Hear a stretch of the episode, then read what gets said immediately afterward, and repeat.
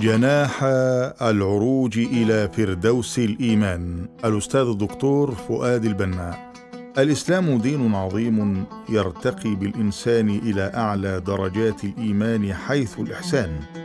ولا فرق في ذلك بين العبادات اللازمة حقوق الله والعبادات المتعدية حقوق الإنسان. فإن الإيمان يزيد وفقا لزيادة المدخلات في هاتين الدائرتين سواء في جهة الزيادة الكمية أو الزيادة الكيفية عروجا نحو الإحسان في المعاش والفردوس في المعاد. ومن المعلوم بالضرورة أن الإيمان يزيد وينقص لتصريح القرآن بذلك. والذين اهتدوا زادهم هدى وآتاهم تقواهم. فكيف يعرج الإنسان في سماوات الإيمان؟ وكيف يصل إلى فردوسه؟ لقد منح الله تعالى عبده جناحين بهما يستطيع العروج إلى الذرى الملائكية وهما جناح الزيادة الأفقية الكمية وجناح الزيادة الرأسية النوعية. وحول هذين الأمرين ستدندن هذه الحروف وتتمحور هذه المقالة. الإسراء في أرض الشعب الإيمانية. المؤمن الحق هو الذي يدخل إلى الإيمان من أبوابه المتفرقة.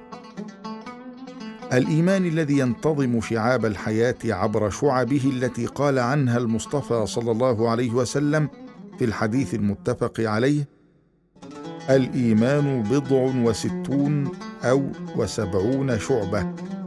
أعلاها قول لا إله إلا الله وأدناها إماطة الأذى عن الطريق. والحياء شعبة من الإيمان. والناظر في نصوص هذا الدين ومقاصده يجد أن كل ما يحقق للناس مصلحة في معاشهم أو معادهم جعله الإسلام شعبة من شعب الإيمان به فريضة واجبة. وكل ما يؤدي إلى مفسدة في المعاش أو المعاد جعله كبيرة من الكبائر يحرم الاقتراب منها. وهي تنتظم كل أبعاد الشخصية البشرية ومجالات الحياة الإنسانية بحيث يصبح الكون كله محرابا لعبادة المؤمن في مشاعره وشرائعه في أقواله وأفعاله في حركاته وسكناته. قل ان صلاتي ونسكي ومحياي ومماتي لله رب العالمين. ان ابواب الجنه ثمانيه. وكل باب منها عنوان لبضع من الشعب المتقاربه والمتشابهه. لكنها باجمعها تمثل الطريق لعماره الحياة في الدارين. لأن عماره الدنيا لا عبادتها هي الطريق لعمارة الآخرة. والوصول إلى فردوس الجنة ليس له إلا طريق واحد وهو الوصول إلى فردوس الإيمان. والإيمان الكامل هو الذي يصنع فردوس الدنيا عبر الترقي في معارج عمارة الحياة وخدمة حقوق الإنسان. الإيمان الذي يدمج بين خلافة الله في الأرض وعمارتها جاعلا منها مضمونا للعبادة الشاملة غير مفرق بين عبادة الله في محراب الصلاة وعبادته في محراب الحياة. ومن هنا طالبنا الله تعالى بالدخول إلى الإيمان من كل الأبواب المنضوية تحت دائرة الاستطاعة. فقال يا أيها الذين آمنوا ادخلوا في السلم كافة ولا تتبعوا خطوات الشيطان.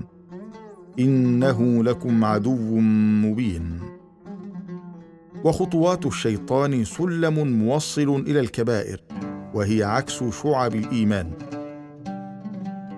وفي سبيل الدفع بالمؤمن إلى التغلغل في شعاب الحياة من خلال الانضباط بمقاصد شعب الإيمان فإن الله لا يذكر التفاصيل وإنما يركز على العناوين التي تدخل تحت كل منها الكثير من الشعب. مثل مصطلح الخير ومصطلح الصالحات كما قال تعالى وما تفعلوا من خير فإن الله به عليم وكما قال تعالى فمن يعمل مثقال ذرة خيرا يره وقال من عمل صالحا فلنفسه ولما كانت إحدى وظائف السنة النبوية تنزيل وتجسيد كليات القرآن الكريم وعمومياته فقد أشارت السنة النبوية إلى الكثير من طرق الخير التي خرجت اليوم من دائرة الإيمان في وعي وسلوكيات كثير من المسلمين مما أوصلنا إلى هذه الحالة من الغثائية ووهن الفاعلية.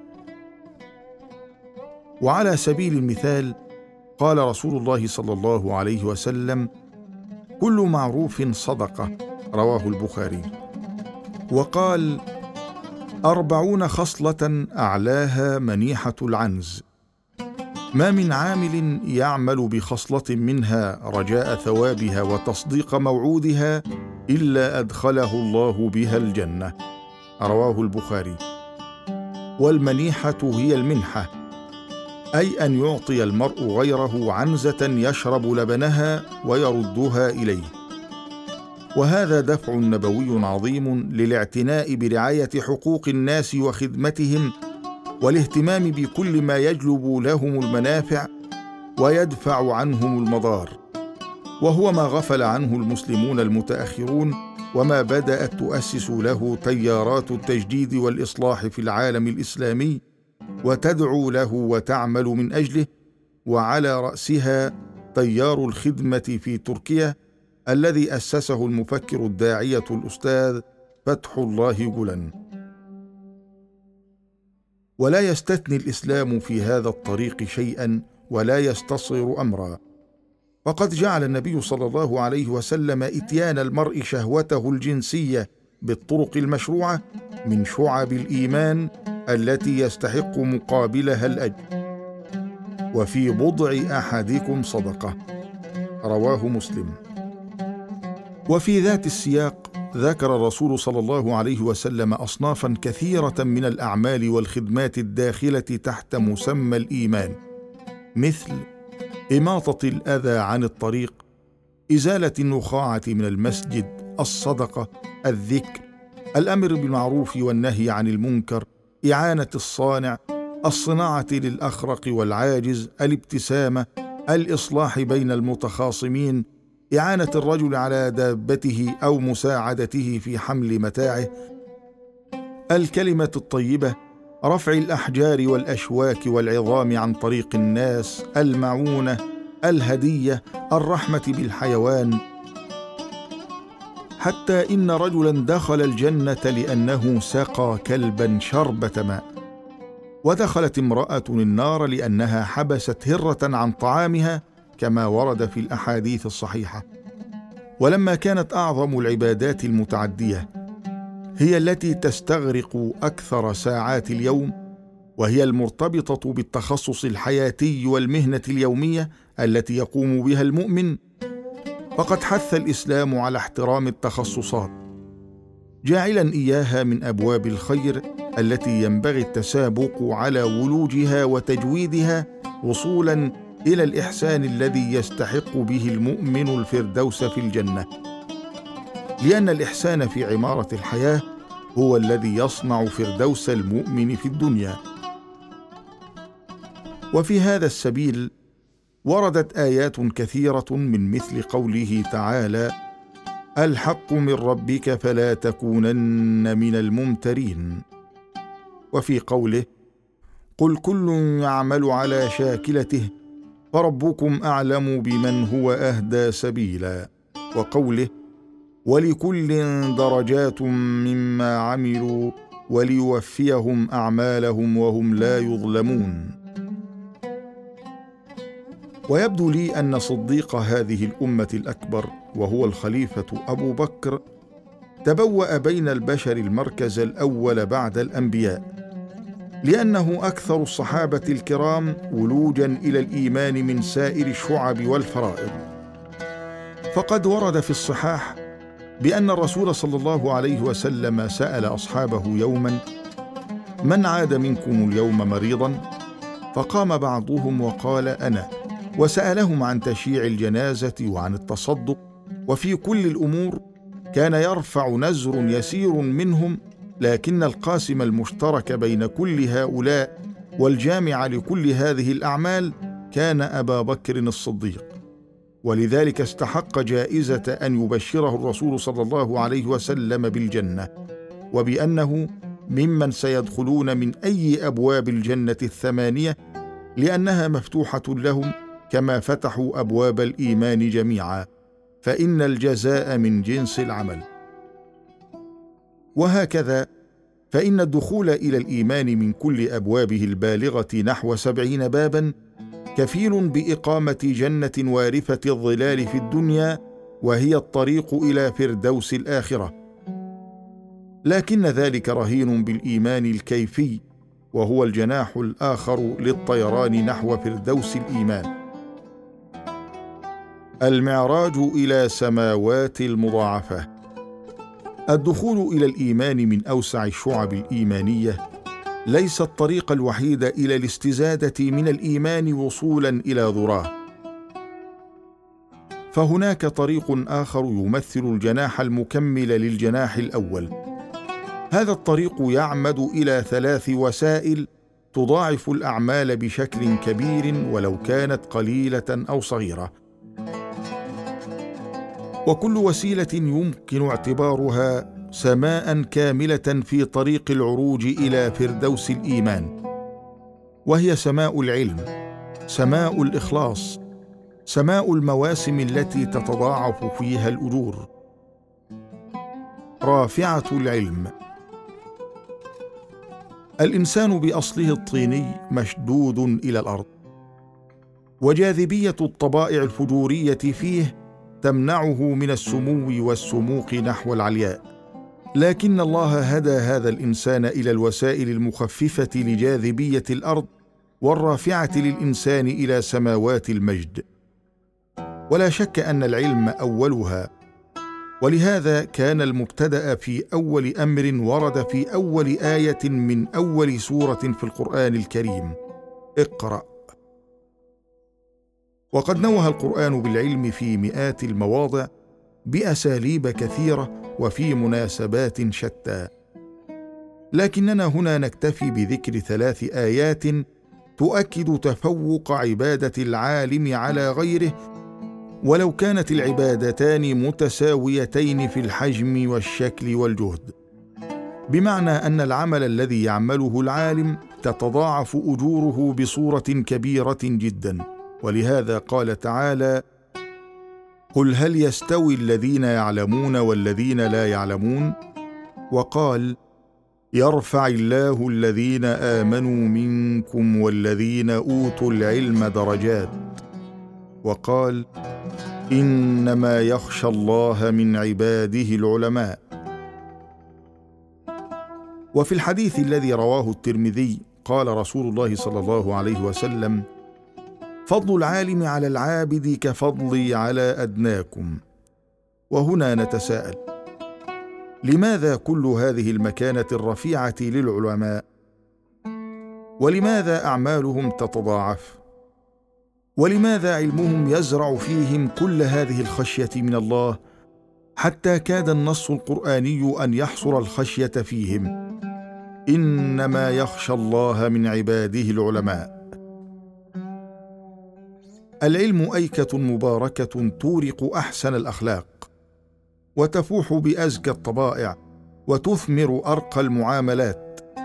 براعمها تتدلى من خشية الله وظلالها تتنزل رحمة بالإنسان ورفقا بالحيوان. إن ثمرات العلم ومواريثه لا تعد ولا تحصى فهي خالصة المنافع عابرة المجالات فإن العلم يورث حزما وعزما ويدفع نحو أخذ العدة وعلو الهمة. إنه يزرع التقوى ويبني محراب الإنابة ويفتح عيون التيقظ ويوقظ مشاعل الشعور بالمسؤولية ويطفئ فتن السلبية وجذوة التحاسد ويثير حساسية الاتقاء للشبهات والتورع عن المتشابهات. ويمزق حجب العقل وأغلال التقليد ويصحح القصد ويكسب صاحبه حدة البصر وصفاء البصيرة ويعزز عرق الكفاح ودموع التوبة ودماء الشهادة. العلم يورث تقدير العواقب ومعرفة المآلات إذ يضيء للمرء دربه فيعرف أين يضع قدمه. ولهذا فإن العالم يدري متى يكر ومتى يفر. أين يقدم وأين يحجم؟ حيث يمتلك بوصلة الهداية إلى كل خير. ولهذا فإن العالم يدري متى يكر ومتى يفر. أين يقدم وأين يحجم؟ حيث يمتلك بوصلة تهديه إلى كل خير وتحذره من كل شر. وهو لا يعدل بالسلامة شيئا. ولهذا فإنه يقدم درء المفاسد على جلب المصالح ويدرا المفسدة الكبرى بارتكاب مفسدة أصغر ويفوت مصلحة صغرى من أجل تحقيق مصلحة أكبر. العلم سفينة الإبحار الحصينه في لجج الحياة حيث عواصف الأهواء الطاغية وأعاصير الغرائز الجامحة. هذه السفينة تقيه أيضا من مزالق السقوط في حفر الضعف البشري. فإنه أي العلم يصنع للفرد المرآة التي يرى بها جهله والدواء الذي يقيه من التضخم وتورم الذات ليظل صغيرا متواضعا فيكبره الناس ويعظم عند الله. إنه زاد الحياء وإكسير الحياة وهو حصن من الكبر وترياق الخلاص من العبودية لغير الله وهو الآلة التي تري صاحبها الأشياء كما هي دون تصغير أو تكبير ومن غير تهويل أو تهوين. ولا شك أن ذلك كله يؤدي إلى سداد الرؤية ورشد الفكرة وصواب الموقف والقرار. ومن هناك تتبارك العبادات المبنية على علم. العلم طوق النجاة من رياح التنطع وأعاصير التفريط وهو حبل الحؤول دون السقوط في مهاوي البطالة وأخاديد العطالة وهو جسر العبور إلى شاطئ الوسطية وبر الاعتدال دون جنوح نحو مناكب الجحود أو تحطم على صخرات الجمود.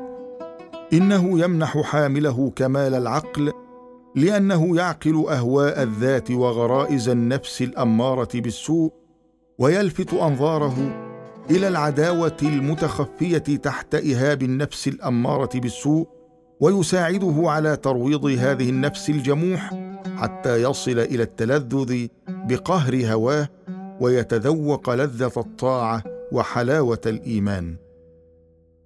العلم جهاز دقيق يمكن حامله من التفريق بين الآمال المشروعة والأمنيات الممنوعة بين البدعة المرفوضة والإبداع المفروض بين التعدد المشروع والتفرق المذموم بين التجديد والتبديد بين الحقائق الأمرية الشرعية والحقائق الخلقية الكونية بين الكرامات الربانية والأحوال الشيطانية. وهو سد منيع ضد تلبيس أبالسة الجن وتدليس شياطين الإنس وحصن حصين من مصائدهما. العلم يبين الحدود الفاصلة بين العقل والنقل ويمنع التعلل بالأقدار ويدفع نحو مدافعة الأقدار بالأقدار. صانعا الشعرة الفارقة بين التوكل والتواكل. حيث يعظم المسبب ولا يحطم الأسباب. صفوة القول فإن العلم يهيئ صاحبه للانكسار أمام رب السماوات والشموخ أمام التحديات. إنه يهديه إلى البر ويسلمه إلى التقوى حتى لا يراه الله حيث نهاه ولا يفقده حيث أمره. فكيف لا ينسأ الله أجله ويضاعف عمله؟ بركة الإخلاص. والإخلاص وسيلة أخرى لزيادة مدخلات الإيمان لأنه يكثر القليل ويعظم الحقير ويكبر الصغير. فبه تتضاعف الأجور وتتضخم الأرصدة وتتبارك الأعمال. بالإخلاص يجمل القوام الداخلي للإنسان وينعكس الجمال على مظهره الخارجي فيزينه ولو كان أفقر الناس في الوسامة والجمال ويلقي حبه في قلوب الخلق ويضع له القبول في الأرض فيحبه الناس ويحبهم وتتنور الأفئدة فتتقوى الدوافع ويصفو الإرسال عندها ترتفع الأعمال وتتبارك ويلتفت الله إلى أصحاب القلوب الناصعة وما نظر الله إلى شيء إلا قبله وباركه. ولعظمة الإخلاص في تعظيم الأعمال أوصى رسول الله صلى الله عليه وسلم معاذ بن جبل رضي الله عنه وكان شديد الحب له فقال له أخلص دينك يكفك العمل القليل. رواه الحاكم. وبدون الإخلاص يقل الكثير وتتحول جبال الأعمال إلى سراب أو هباء منثور في أودية لا قعر لها ولا قيعان. ورد في الحديث الذي رواه الإمام مسلم قوله صلى الله عليه وسلم لقد رأيت رجلا يتقلب في الجنة في شجرة قطعها من ظهر الطريق كانت تؤذي المسلمين. وما أظن هذا الأجر العظيم إلا بسبب قوة الإخلاص في قلب ذلك الرجل. فبهذا الإخلاص الشديد أسكن الله وحده في قلبه فأسكنه الله في جنته. وروى البخاري عن أنس رضي الله عنه قال رجعنا من غزوة تبوك مع النبي صلى الله عليه وسلم فقال إن أقواما خلفنا بالمدينة ما سلكنا شعبا ولا واديا إلا وهم معنا حبسهم العذر. وفي رواية للإمام مسلم إلا شركوكم في الأجر. إن النية لا تبارك العمل فحسب بل توجده ولو كان عدما. وهكذا فإن الإخلاص يراكم الحسنات ويضاعف الأجور على أعمال بسيطة حتى إن سلعة الله الغالية وهي الجنة يمكن أن يعطيها الله مقابل أمر بسيط كإزالة شجرة من طريق الناس كما أسلفنا أو سقاية كلب شربة ماء كما جاء في الحديث الصحيح أو مداينة الناس وإمهالهم كما جاء في حديث آخر. استثمار مواسم البركة المضاعفة. وهناك وسيلة ثالثة تضاعف الأعمال اليسيرة وتراكم الأجور وهي استثمار مواسم البركة. حيث الجوائز فيها عظيمة مضاعفة. وهذه الوسيلة ثمرة للعلم والإخلاص وخاصة العلم. لقد وضح الله عز وجل الغاية من خلق الإنسان بقوله وما خلقت الجن والإنس إلا ليعبدون وهي العبادة الشاملة في محراب الوجود والمتوزعة بين ساعات اليوم والليل والتي يتقلب الإنسان فيها بين العلم والعمل الفكر والفعل الأكل والصيام النوم والقيام الهزل والجد الذكر والصمت القيام والقعود الاختلاط والعزلة. بحيث يلتزم منهج الوسطية والتوازن والاعتدال ويراعي المقادير ويعطي لكل عبادة زمانها ومكانها المناسبين. ففي إطار ساعات اليوم الواحد لا أفضل بعد الفجر من قراءة القرآن مع أن القراءة مأجورة في كل وقت. ولا أفضل بعد ذلك من عبادة العمل حتى الظهر. ولا أفضل بعد الظهر من عبادة القيلولة. ولا أفضل من الصلاة في أوقاتها وأداء الواجبات المرتبطة بالخلق وقت الحاجة إليها. ولا أفضل من النوم في النصف الأول من الليل. وهذا ثابت علميا. فقد ذهبت أبحاث علمية إلى أن الراحة التي يكتسبها الجسم من نوم ساعة واحدة في هذا الوقت تعدل ساعتين في النصف الثاني من الليل أو ثلاث ساعات في النهار. وسنضرب مثلا لهذه المواسم في العبادات اللازمة أي الشعائر التعبدية القائمة بين الفرد وربه سواء ما ارتبط منها بالزمان أو المكان. ففي إطار الزمان فإن كل الساعات تصلح لحصد الأجور في الصلاة والصوم مثلا مع وجود استثناءات. لكن الفروق في الأجور كبيرة جدا فأفضل ساعات الصلاة في اليوم والليل بعد المكتوبة هي الثلث الأخير من الليل. وأفضل أيام الأسبوع هو يوم الجمعة. وأفضل أيام الشهر الثاني عشر والثالث عشر والرابع عشر من كل شهر. وأفضل أشهر العام هو شهر رمضان ففيه من الأجور ما ليس في غيره وفيه ليلة تعدل أجورها أجر بضعة وثمانين عاما. وفي إطار الأماكن فإن أفضلها المساجد وأسوأها الأسواق. وعلى مستوى المدن والمساجد فإن أفضلها مكة المكرمة والمدينة المنورة والقدس الشريف. فالصلاة في الحرم المكي تعدل مائه ألف صلاة في سائر المساجد. والصلاة في الحرم النبوي تعدل ألف صلاة وفي الحرم القدسي تعدل خمسمائة صلاة. وهناك أدعية يؤجر عليها الإنسان في أوقاتها المشروعة ما لا يؤجر في غيرها كأدعية الصباح والمساء وأدعية الأكل والشرب واللبس والركوب ودخول الحمام وقضاء الحاجة ورؤية الهلال ورؤية صورة الذات في المرآة وغيرها. وهناك صلوات مناسباتية لا يمكن أن يحصل المرء على أجورها ما لم تكن في أوقاتها ومناسباتها المشروعة كصلاتي الكسوف والخسوف وصلاة الحاجة وصلاة الاستسقاء وصلاة الشكر. وبالجملة فإن العبادات المتعدية أفضل بكثير من العبادات اللازمة نظرا لكثرة المستفيدين من العبادات المتعدية. حتى إن ريعها يستمر بعد موت الإنسان رغم انقطاع سائر أعماله الأخرى.